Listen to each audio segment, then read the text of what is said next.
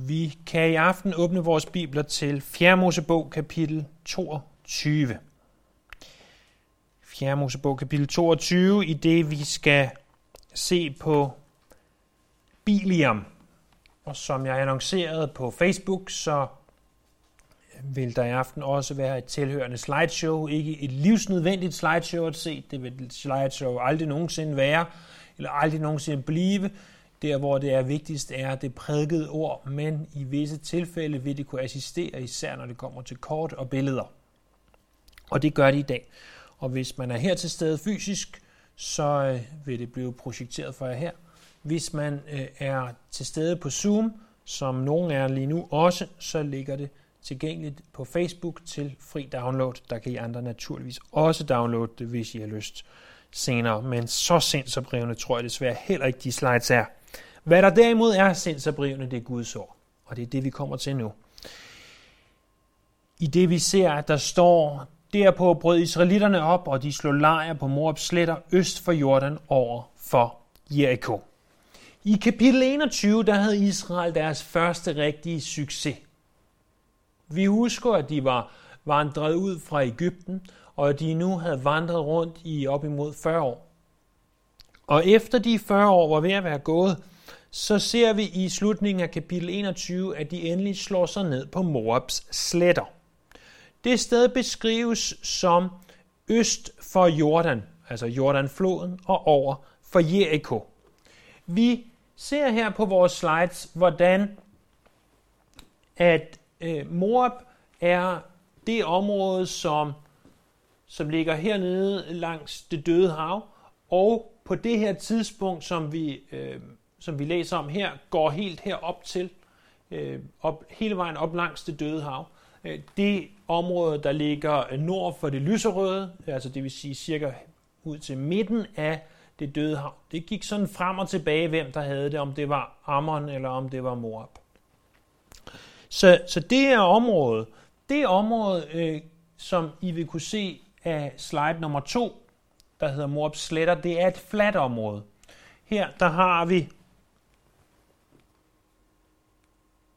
her der har vi øh, øh, Jordanfloden, der kører ned midt igennem det, og herover til, øh, til venstre eller imod vest i billedet, der har vi Jericho i den grønne øh, plantage af træer, der er derovre af.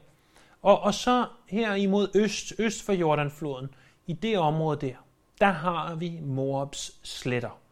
Nederst øh, til højre i, øh, på selve billedet hernede, der har vi øhm, øh, øh, tinde, derfra hvor Moses han ender med at se ind i det forjættede land, så det er ned i, i det område. Men Moab sletter herude alt det grønne, de i dag dyrkede områder, øh, som øh, det kan findes på Google Maps. Det sidste billede, jeg vil vise jer lige nu, det er, at, at her ser jeg også, hvordan øh, sådan forsøgt i, i højdekurver, øh, i en øh, slags wannabe 3D-funktion, hvordan vi har Nebo hernede til højre, så går det meget, meget, meget, meget, meget stejlt nedad, bliver fladt, og her har vi Moab sletter, her har vi Jordanfloden op igennem, og Jericho herover, og så går det selvfølgelig op igen, og heroppe et sted i øverste venstre hjørne vil man kunne finde Jerusalem. Så, øh, og selvfølgelig den blå øh, plamage nederst i, i billedet, det er naturligvis det døde hav, og Jordanfloden op, og Genesaret sø vil være heroppe øh, nordpå. Så, så det er der, de er. Øhm, det, det er der, de, øhm, de bor. Hvis I undrer over i hvordan jeg har fået det der billede, så har jeg sådan et smart bibelprogram, så man kan tage et udsnit af et kort, og så sige, øh, jeg vil gerne se højdekorene, og så kan det simpelthen lave det der. Det er meget dybt fascinerende. Man kunne få timer til at gå med det, hvis man havde tiden til det. Øhm, og ens far i øvrigt har opdraget en til at se på kort, som min far har det. Hvad vigtigere er, er, at kapitel 22 til kapitel 36, det vil sige fra nu af og til slutningen af bogen, det er sådan set en enhed. Det er en enhed, og det er den femte enhed i bogen, fordi øh, det, der sker der, er placeret på Moabs sletter. Det er også bogens længste sammenhængende afsnit. Kapitel 22, kapitel 23 og kapitel 24 er det, vi skal begynde at drage vores opmærksomhed på i dag. Og det er tre kapitler, som handler om spåmanden Biliam og hvad han gjorde. Så lad os, lad os prøve at tage fat på det og, og se, hvad der står. Først i, ser vi i vers 1-12, møder vi de her to karakterer, Balak og Biliam. Først Balak i vers 2. 2-4. Balak eller Balak, Sipors søn, så alt det Israel havde gjort ved amoritterne, og Moab blev grebet af frygt for folket, fordi det var talrigt. Moab groede for israelitterne og sagde til Midjans ældste, nu vil hele den sværm slikke landet omkring os i sig, på samme måde som okser slikker markens græs i sig. Balak, Sibors søn, var dengang konge over Moab. Så Balak, han er altså den første af de personer, vi møder. Han var konge over Moabitterne, som jo så altså øh, er det land, der refereres til øh, her. Øh, og øh, Moabitterne, de nævnes over 200 gange i det gamle testamente. Det er jo altså ganske mange. Øh, det er både, Moab er både et folk og det er et land. Folket Moabitterne nedstammer fra personen Moab. Moab var den søn, som Lot han ved et incestforhold, som han ikke selv var bevidst om, fik med sin ældste datter. De, hans døtre drak ham fuld, fordi de troede, at der, han var den eneste mand tilbage på jorden, og får så den her øh, søn Moab, som betyder søn af min far. Øhm, så det kunne han så altid huske på, hvordan han var kommet til. Øh, landet gik øh, på, på det her tidspunkt, øh, og, og det er derfor, jeg siger, at, at det går frem og tilbage. Det, der kaldes Moab-sletterne, og jeg tror, jeg fik sagt det lidt anderledes før, det kaldes Moab-sletterne, men det hørte til Ammon på det her tidspunkt. For det er rigtigt, som kortet her tegner, at Moab var faktisk kun fra floden Seret i syd til floden øh, Jabok i nord, men stadigvæk kaldes det her Moab-sletterne. Øh, og, og det var det land, han, han besad. Øh,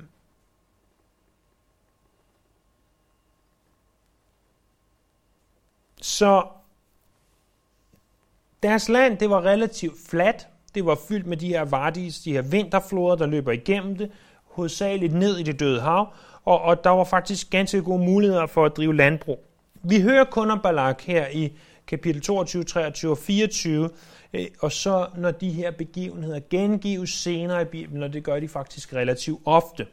Hans navn betyder noget i retning af den, som ligger øde, eller den, som ødelægger. Vi ser, at han var søn af Sipor, en mand, som vi jo ikke ved andet om. Og så erfarer vi øh, videre i vers 18, at han havde et hus, og at han må have været temmelig velstående. Vi ser i vers 2, at alt det, som Israel har gjort ved amoritterne, nemlig i kapitel 21, det gør, at han bliver grebet af frygt. Og han har et vidnesbyrd om Israel, som vi kommer til at se i de efterfølgende vers, at han, de var draget ud af Ægypten, de dækkede landet, de har slået sig ned lige over for ham, og de var stærkere. Og så deltid ser vi her i vers 4, som vi læste før, at han var bange for, at de ville simpelthen, ganske simpelthen slikke øh, dem op, som om, at det var dyr, der slikkede græs. Derfor så sender han bud til midjanitterne, som øh, kommer helt hernede fra, syd for, som var efterkommere af øh, Abraham igennem Ketura, de folk, der boede der, og øh, de var så meningen, at de skulle stå sammen med Moab imod israelitterne. Og hvad sker der så? Hvad er det så, de vil? Jo, prøv at se vers 5. Han sendte bud til Biliam, Beers søn i Petor, der ligger ved floden i hans folks sønders land, for at tilkalde ham og sagde, der er et folk, som er draget ud af Ægypten, og nu dækker hele landet. Det har slået sig ned lige over for mig. Kom derfor og forband dette folk for mig, for det er stærkere end jeg. Måske kan jeg slå det og jage det ud af landet. Jeg ved jo, at den du velsigner er velsignet, og den du forbander er forbandet. Så drog Moabs ældste og Midians ældste afsted. De havde spormandsløn med sig, og de kom til Biliam, fortalte de ham, hvad Balak havde sagt. Han sagde til dem, bliv her 18 år, så skal jeg svare jer, hvad Herren taler til mig. Så blev Moab stormænd hos Biliam, men Gud kom til Biliam og sagde, hvem er de mænd, du har hos dig? Og Biliam sagde til Gud, Moabs konge Balak, sig på os søn, har sendt bud til mig. Se, det folk, der drog ud af Ægypten, dækker nu hele landet. Kom og forband det for mig, måske jeg så kan gå til angreb på det og jage det bort. Men Gud sagde til Biliam, du må ikke gå med dem, du må ikke forbande folket, for det er, et vels- for det er velsignet.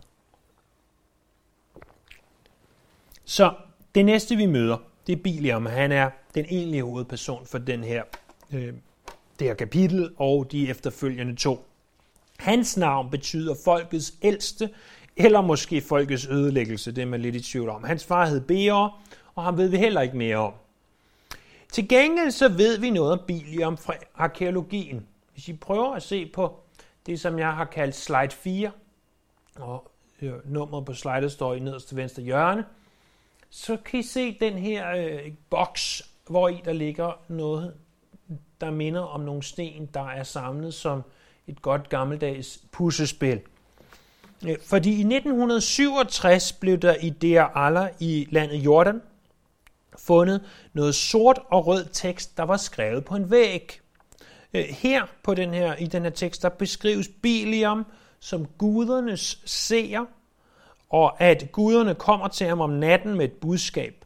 Den her tekst er fra 850 til 750 før Kristus, mener man, altså mange, mange, mange hundrede år efter, at Biliam levede, som jo naturligvis for cirka 1400 år før Kristus, mens Moses han også eksisterede. Men alligevel har beretningen om Biliam eksisteret uden for Bibelen i en sådan grad, at man i den her bygning i Jordan har skrevet det på væggen. Hvorfor de har skrevet det på væggen, det kan man kun gætte på, om det var kunst, om det var et klasseværelse, eller hvad det var, det ved man ikke. Man har mange mere eller mindre kvalificerede gæt. Men han nævnes altså i arkeologien. Vi ser også, at han kom fra Peter. I 5. Mosebog kapitel 23, vers 4, der ser vi, at Peter det er i Aram Naharaim, som er i det sydligste øh, del af det, øh, der... Nej, nord, undskyld, ikke det sydligste, nordligste del af det nutidige Syrien, faktisk lige på grænsen til Tyrkiet. Så vi har Petor eller Petor heroppe, helt oppe nordpå, og øh, helt hernede, der skulle han rejse ind. Det er jo også noget det der fantastiske bibelprogram kan lave sådan en tegning, og det kan jo også måle, hvor langt der er. Og der er altså cirka 600 kilometer. Øhm, så det var jo altså ikke bare lige en smuttur for Balak at sende bud til Biliam og sige, vil du ikke nok komme og forbande det her folk? Øh, Balak, øh, han giver et vidnesbyrd om ham og siger, at den, som du velsigner, Biliam, han bliver velsignet, og den, du forbander, bliver forbandet.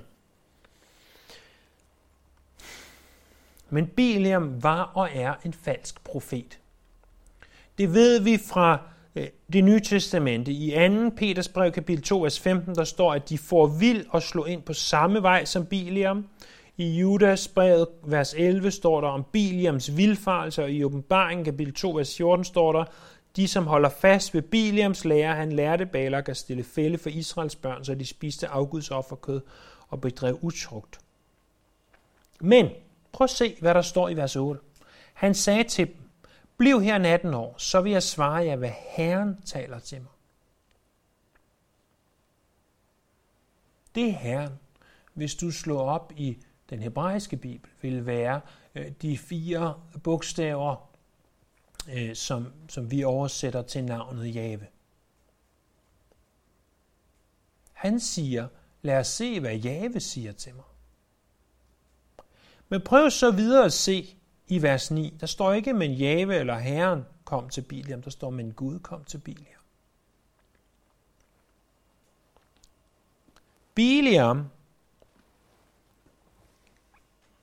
han kendte til den levende Gud.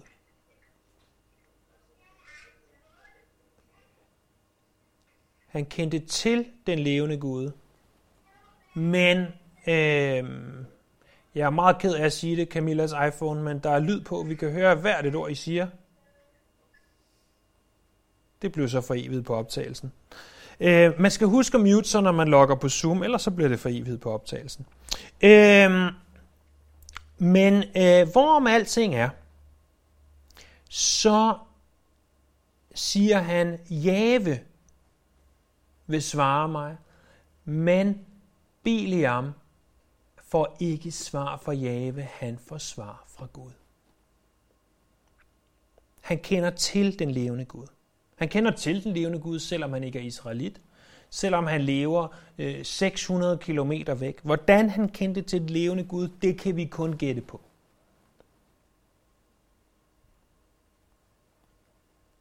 Men det er ikke den levende Gud, der taler til ham som den levende Gud. Det er den levende Gud, der taler, men han taler ikke til ham i det personlige forhold. Han taler til ham i det distancerede forhold som Gud.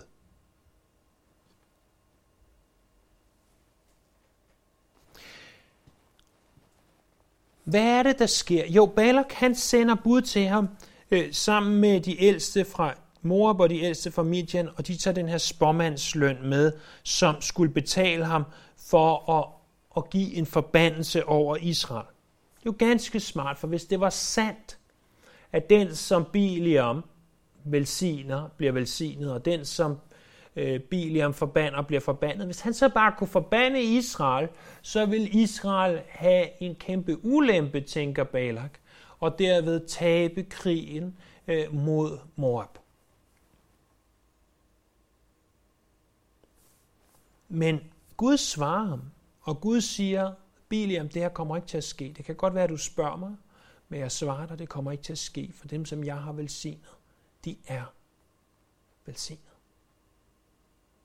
Det lærer mig noget ganske vigtigt. For det første, at Israels folk er velsignet. Det ved vi øh, helt klart fra 1. Mosebog kapitel 12, vers 1-3, da Gud han velsigner Abraham og Abrahams efterkommer. Men det lærer mig også noget andet. Det lærer mig noget om dig og mig. For vi er også et velsignet folk. I det vi er Abrahams efterkommere ved troen. I det, at vi har modtaget Helligånden, er det ikke en velsignelse. Og hvis vi er velsignet, så kan vi ikke samtidig blive forbandet. Vi behøver ikke frygte ham, som er i verden, for ham, som er i os, er større. Øh, vi må være på vagt for ham. Vi må være overvågne, som Efeserne kapitel 6, vers 10-20 taler om. Men vi behøver ikke frygte, for vi er også et velsignet folk.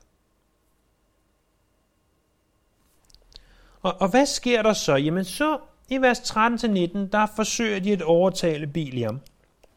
Der står næste morgen, stod Biliam op og sagde til Balaks stormænd, drag hjem til jeres land, for Herren vil ikke lade mig gå med jer.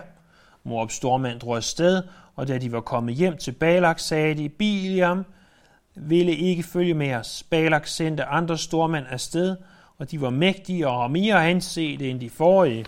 Da de var kommet til Biliam, sagde de til ham, dette siger Balak, Sibors søn. Sig dog ikke nej til at komme til mig. Jeg vil betale dig rigeligt, og jeg vil gøre alt, hvad du siger til mig. Kom og forband dette folk for mig.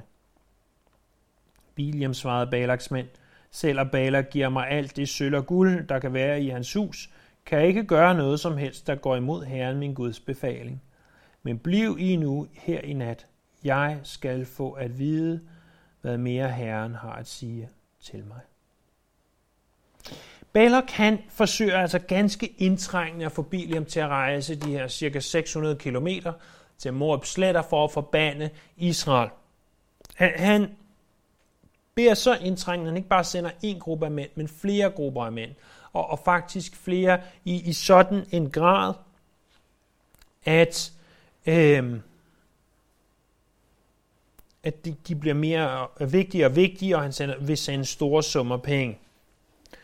Biliam han insisterer på, at jeg vil ikke gøre noget, der går imod Herren min Guds befaling. Hvis nu, at jeg var en, en smule mere musikalsk anlagt, og gik i endnu mere stramme bukser, end jeg gør, og en lille læderjakke, så tænker jeg, at jeg kunne skrive en sang over det her vers. Jeg vil ikke gøre noget, der går imod Herren, min Guds befaling. Det lyder jo som en god, moderne lovsang. Men faktum er, at vi hver dag gør noget, der går imod Herren, vor Guds befaling. For selvom vi er frelste, Selvom vi er retfærdiggjorte, så slæber vi stadigvæk rundt på vort øh, syndige læme. Og det er altså vigtigt, at vi passer på med at sige, jeg vil ikke gøre og give sådanne løfter. Vi kunne måske snarere sige, jeg har et ønske om, det er min bøn ikke at gøre det, men siger, jeg vil aldrig gøre noget, der går imod Herren, min Guds befaling. Så siger du, hov, jamen, nu har vi jo allerede set, at han kalder ham Herren, og han siger her, jeg vil gøre noget, der går imod Herren, min Guds befaling. Er Gud så ikke hans Gud? Det er jeg ikke sikker på. For siger Jesus ikke, at der vil komme mange på den dag og sige, Herre, Herre, har vi ikke gjort. XYZ. Bare fordi nogen siger Herre, Herre, bare fordi nogen siger min Gud, så betyder det ikke, at de tilhører den levende Gud. Så betyder det ikke, at de er Guds børn. Og det var Biliam ikke. Han siger endda også, at han vil spørge Gud til råds. Han har jo allerede en gang fået at vide, at det her kommer ikke til at ske. Du kommer ikke til at kunne forbande Israel. Og så kommer Balaks folk og siger, at du kan få rigtig mange penge. Du kan faktisk få endnu flere penge. Du kan også få magt. Og så siger han, ja, men øh, selvom du giver mig alt sølv og guld, der kan være i mit hus, og, og jeg kan ikke gøre noget, der går imod Herren, min Guds befaling, men hvis I lige bliver her i nat, så går jeg lige ind og snakker med Gud om det. Det, det det, han siger. Det er det, der står sådan i den moderne oversættelse i hvert fald. Prøv at høre, hvor tåbeligt det er, at spormand Biliam, han beder til Gud og siger, ah Gud, jeg ved godt, det her det ikke er din vilje, men kan vi ikke snakke om det alligevel? Det er heldigt, at vi er klogere end det. Det er heldigt, at vi er hellige og dygtigere end det, at vi aldrig, aldrig, aldrig kunne finde på at spørge Gud om noget, vi på forhånd ved ikke er hans vilje. Eller hvad? For det er ikke det, vi tit gør. Kommer vi ikke til Gud og siger, åh Gud, om det ikke måtte være din vilje, og, og så beder vi om noget, som, som vi ved, at hvis vi bare slår op i vores bibler, hvis bare vi kendte vores bibler bedre, eller vi måske endda kender dem, men lukker øjnene for det, at så vidste vi, at det her kan ikke være Guds vilje. At det her, det er uden for Guds vilje. Der er ingen grund til at spille sin tid på at bede om noget, som vi på forhånd ved er uden for Guds vilje. Du behøver ikke bede om, du skal giftes med en, der ikke er kristen, for du ved på forhånd, det er uden for Guds vilje. 2. Korinther 6, 14. Du behøver ikke bede om, øh, at hvorvidt du skal betale skat eller ej. For vi ved, at skat er noget, som vi skal betale. Eller hvorvidt vi bør overholde de simple, øh, ikke Guds bespottende lov i landet. Jamen vi ved fra Romerbrevet kapitel øh, 13, at vi skal overholde lovene i landet, så længe det ikke øh, spotter Gud og går imod hans bud i øvrigt. Du kan jo ikke bede om det. Åh Gud, må jeg ikke nok få lov til at køre over for rødt næste gang? Det går så langsomt med at komme hjem. Lad være med at spilde din tid eller Guds tid på at bede om noget, som du ved på forhånd ikke er hans vilje. Du kan bede for tusind andre ting, som er i hans vilje. Åh Gud, jeg beder for, at ham og hende bliver frelst. Åh Gud, jeg beder for vækkelse i vores hjerte. Åh Gud, jeg beder for, at om det er din vilje, at den og den person må blive rask. Eller bed altid i overensstemmelse med hans vilje. Lad være med at spilde tiden på at bede om noget, du ved, der ikke er hans vilje. Det er ikke alting, vi ved, om det er hans vilje eller ej. Der må vi bede. Men hvis vi ved det, så lad være med at spilde tiden.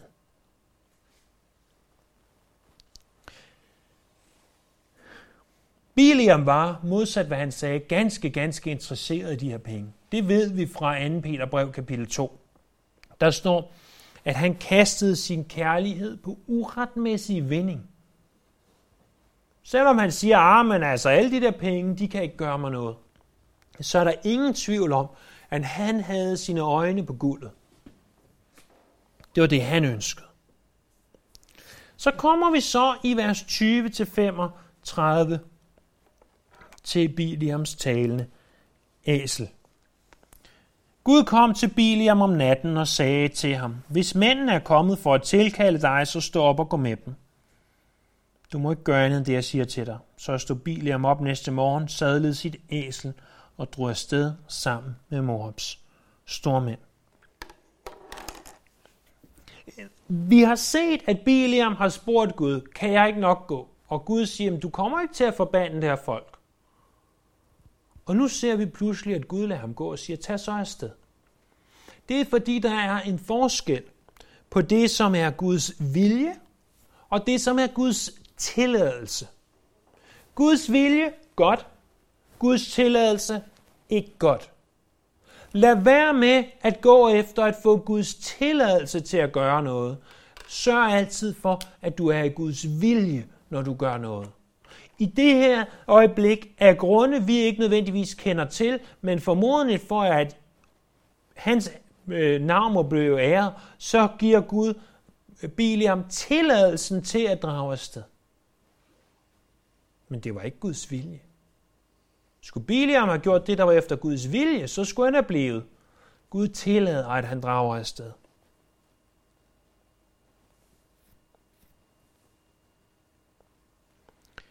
Og så sker det her. Prøv at se. Fordi ikke bare giver Gud tilladelsen, men vers 22, Gud blev vred over, han tog afsted, og Herrens engel stillede sig i vejen for ham, da han kom ridende på sit æsel ledsaget af sine to tjenere. Da æslet så herrens engel stå på vejen med draget svær i hånden, drejede den fra vejen og gik ud på marken, men Biliam slog æslet for at få det ind på vejen igen. Så stillede herrens engel sig i en hulvej mellem vingårdene, hvor der var et stengær på begge sider. Da æslet så herrens engel, klemte det så op mod muren, så det kom til at klemme Biliams fod mod muren. Så slog han det igen, men herrens engel gik længere frem og stillede sig på et snævert sted, så at det var umuligt at komme forbi til højre eller venstre. Da æslet så herrens engel, lagde det sig ned, mens Biliam sad på det, og Biliam blev vred og slog æslet med stokken. Da åbnede herren æslets mund, og det sagde nu til Biliam, hvad har jeg gjort dig, siden du har slået mig tre gange? Biliam sagde til æslet, Du har tiret mig! Havde jeg haft et svær i hånden, så havde jeg slået dig ihjel. Men æslet sagde til Biliam, er jeg ikke dit eget æsel, som du har reddet på lige fra du var lille til i dag? Plejer jeg måske at behandle dig på den måde? Nej, svarede han. Da åbnede herren Biliams øjne, og han så herrens engel stå på vejen med draget svær i hånden, og han bøjede så dybt. Herrens engel øh, sagde til ham, hvorfor har du slået dit æsel tre gange? Og han stillede, jeg har stillet mig i vejen for dig, for at din rejse er overilet imod min vilje. Æslet så mig, Tre gange bøjet det af foran mig. Hvis det ikke var bøjet af foran mig, ville jeg have dræbt dig, men æslet havde jeg lavet leve. Da sagde Biliam til herrens engel, jeg har syndet. Jeg vidste jo ikke, at du havde stillet dig foran mig på vejen. Hvis nu dette er ondt i dine øjne, vender jeg om. Men herrens engel sagde til Biliam, gå kun med disse mænd. Men du må kun sige det, jeg taler til dig. Og så drog Biliam videre sammen med Balaks stormænd. Det her, det er jo højst mærkværdigt. Det her, det er jo det, som Biliam, han er både kendt og berygtet for. Øh, Rembrandt, han skildrede det øh, sådan her, som I kan se på slide nummer 6. Øh, om det lige har set sådan ud, ved jeg ikke noget om, men øh, spændende er det jo. Herrens engel stiller sig tre gange i vejen for æslet, i tre forskellige situationer, hvor det bliver sværere og sværere for æslet at komme frem. Øh, Herrens engel kan vi ikke andet end tro, at det er Herren selv. Æsler, de er jo berygtet for at være stedige, og også for at være en lille smule halvdum. Det ved jeg ikke, om har noget på sig. Øh, det, det har jeg slet ikke forstand om på æsler til. Men, men prøv at tænke på, at det her stedige, halvdumme æsel havde større åndelig indsigt end Biliam. Er det ikke sandt, at Herren oftest taler igennem de mennesker, som mennesker ikke regner for noget? 1. Korinther kapitel 1, vers 27-29.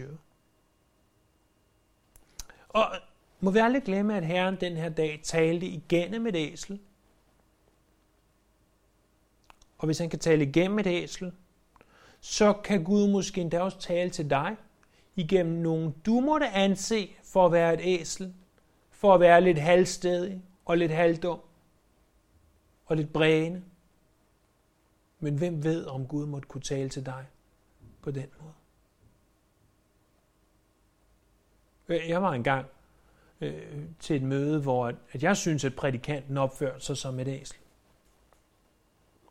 Og uden at gå i detaljer med, hvad der blev sagt, eller hvor det blev sagt, eller hvem der sagde det, så pludselig så talte Herren til mig på den klareste måde. En så klar måde, så at, at det, der blev sagt den dag, er ganske instrumentalt, at jeg står her i dag. Rolig venner. Hvis Gud kunne tale igennem Biliams æsel, så kan han tale til dig igennem hvem som helst og hvad som helst.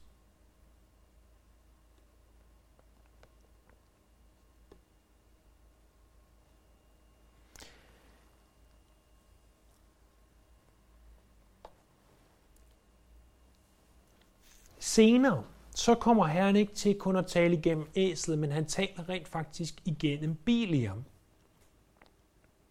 Og Biliam ender med, som vi skal se i kapitel 23 og 24 de næste gange, med at velsigne Israel. Og hvordan kan Biliam velsigne Israel, hvis han er en falsk profet, som vi ser det fra det nye testamente? Jo, hvis Gud kan tale igennem et, is, et, et æsel, kan han så ikke også tale igennem Biliam? Hvis Gud kunne tale igennem et æsel, så er det jo heller ikke mærkeligt, at han kunne tale igennem Biliam, som han talte igennem Saul, efter han havde forladt Gud i 1. Samuels bog, kapitel 19, vers 23 og 24. Eller som han talte igennem ypperste præsten, Kaifas i Johannes kapitel 11, vers 51 og 52. Eller som man talte igennem de her eksorcister i Markus kapitel 9 og Apostlenes Gerninger kapitel 9. Og det er en anden vigtig pointe, vi kommer til her. Bare fordi Gud har talt til dig igennem en person, så betyder det ikke, at den person nødvendigvis er kristen. Eller at hans lærer er ret.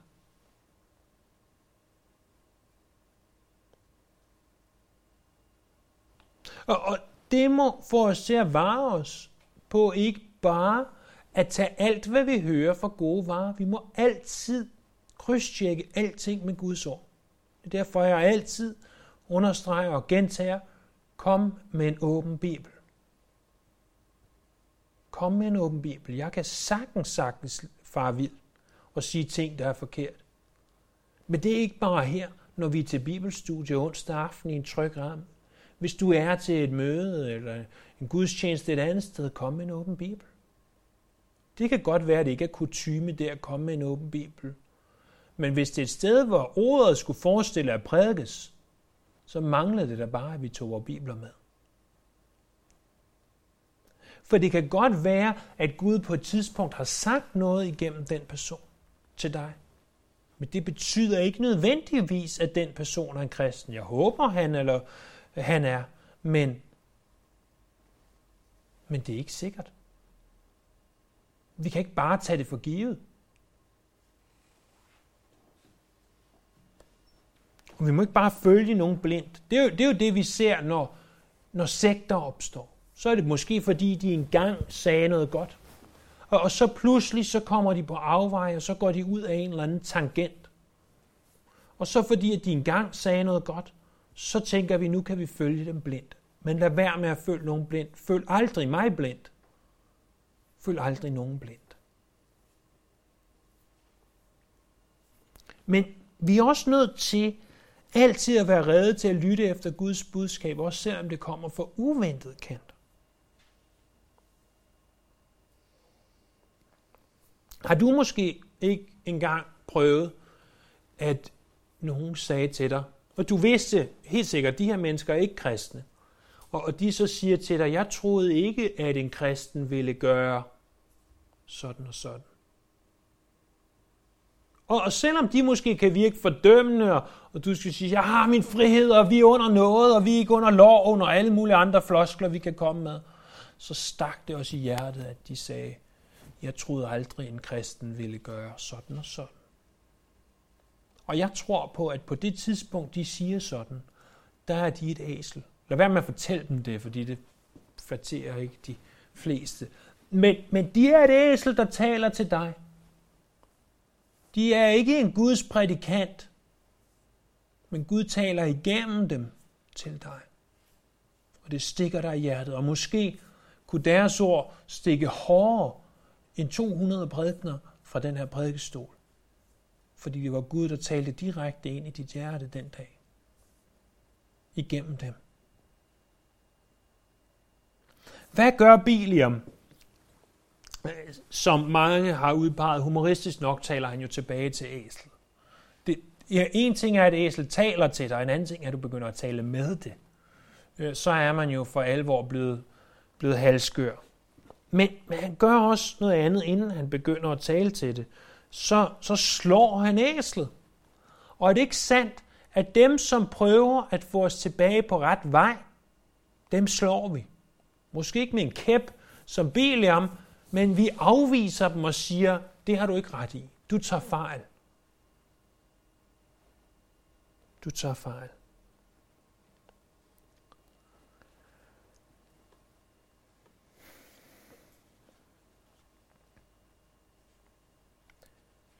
Biliam, han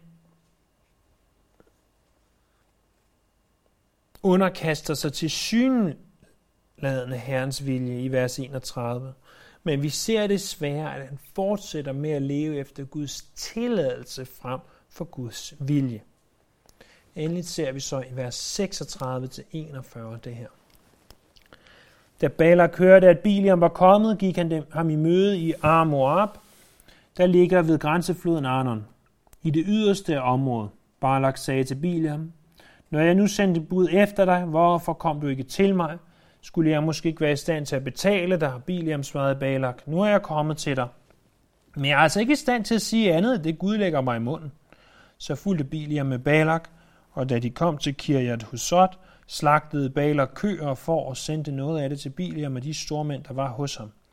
Næste morgen hentede Balak Biliam og førte ham op fra Bemot Baal. Derfra kunne han se den yderste del af folket. Så Biliam gør det meget, meget klart for Balak. Jeg kan kun sige det, som Gud lægger i munden på mig. Og det er det, vi kommer til at se videre i det næste kapitel. Et par konklusioner, et par opsummeringer, at der findes falske profeter, der bruger Guds navn, og Gud taler måske endda igennem dem. Øh, lad dig aldrig narre, men vær på vagt. Det kan være, at de siger noget rigtigt, men de kan stadig være falske.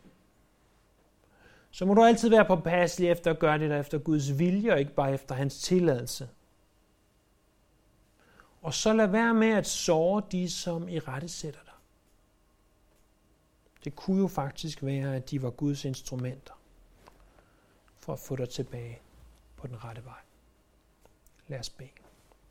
Herre, tak for de her lektioner for Bibelen, men jeg er sikker på, at, at vi kunne finde endnu flere. Applicere det her til vores hjerter, her. At vi må blive mere som dig og forstå, hvad du ønsker for os. Vi lover dit navn her. Amen.